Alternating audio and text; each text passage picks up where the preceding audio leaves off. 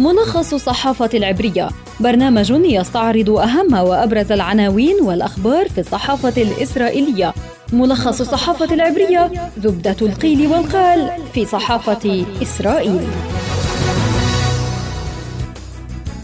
أهلا بكم مستمعينا في ملخص الصحافة العبرية يعده يقدمه لكم عبر شبكة أجيال الإذاعية خلدون البرغوثي. وأستعرض معكم أبرز ما جاء في عناوين وسائل الإعلام العبرية صباح اليوم.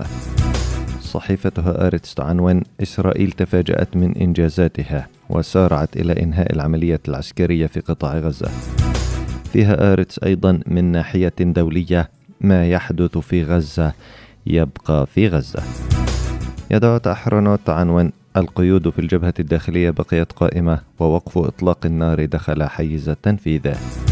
يديعوت أحرونوت أيضا ألف صاروخ واغتيال قائدين كبيرين في الجهاد خلال خمس وخمسين ساعة.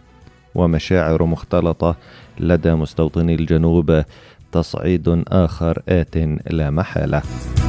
إسرائيل هيوم تعنون بعد انتهاك لوقف إطلاق النار توتر في إسرائيل.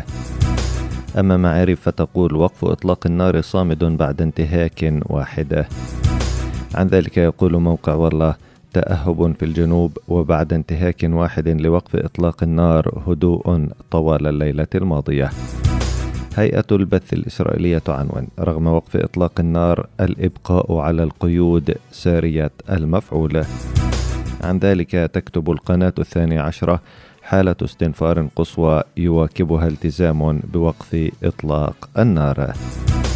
ركزت وسائل الإعلام العبرية على دخول وقف إطلاق النار حيز التنفيذ في الوقت المتفق عليه الليلة الماضية مع الإشارة إلى ما وصفته بأنه انتهاك واحد فقط جرى خلاله عملية إطلاق صواريخ من غزة وقصف جوي إسرائيلي بالمقابل. مع ذلك أشارت الصحافة العبرية إلى أن حالة الاستنفار القصوى لا تزال قائمة. وأن القيود المتعلقة بمنع تجمع المستوطنين وببقائهم قرب الملاجئ لا تزال سارية المفعول.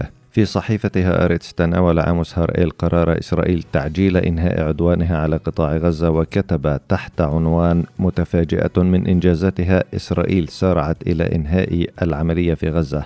كتب هاريل تحت هذا العنوان إن نجاح القبة الحديدية في اعتراض معظم الصواريخ واغتيال قادة في الجهاد الإسلامي هو انتصار تكتيكي فقط وسبب ذلك حسب هاريل هو انهيار الافتراض القائل إن تحسين الوضع الاقتصادي سيدفع حماس إلى منع الفصائل الأخرى من العمل ضد إسرائيل. هذا الافتراض تبدد بشكل كبير. ويعتبر هارئيل أن الحديث عن الهدنة الإنسانية يوم أمس كان المقدمة الواضحة لإمكانية الذهاب إلى وقف لإطلاق النار خاصة في ظل تصريحات المستوى الطبي في غزة أن المستشفيات لن تصمد أكثر من يومين إذا توقفت محطات الكهرباء عن العمل في قطاع غزة لعدم توفر الوقود لها. على الجانب المقابل يبدو أن المستوطنين في مستوطنات محيط قطاع غزة لا يرون في وقف إطلاق النار الحالي إلا مرحلة مؤقتة. وتشير صحيفة يدعوت أحرونوت إلى أن مشاعر المستوطنين وقادتهم مختلطة فهم سعداء بالعملية العسكرية من ناحية وراضون إلى حد ما عما قامت به حكومة يائير لبيد لكن في الوقت ذاته يدرك مستوطنو محيط قطاع غزة أن وقف إطلاق النار الحالي ليس نهاية المعارك. مع ذلك يأملون أن يقضوا صيفا هادئا على الأقل فبالنسبة لهم غزة لا ينقصها مقاتلون والتصعيد المقبل. آت لا محالة. نهاية حلقتنا من ملخص الصحافة العبرية أعدها وقدمها لكم عبر شبكة أجيال الإذاعية خلدون البرغوثي. أطيب التحيات إلى اللقاء.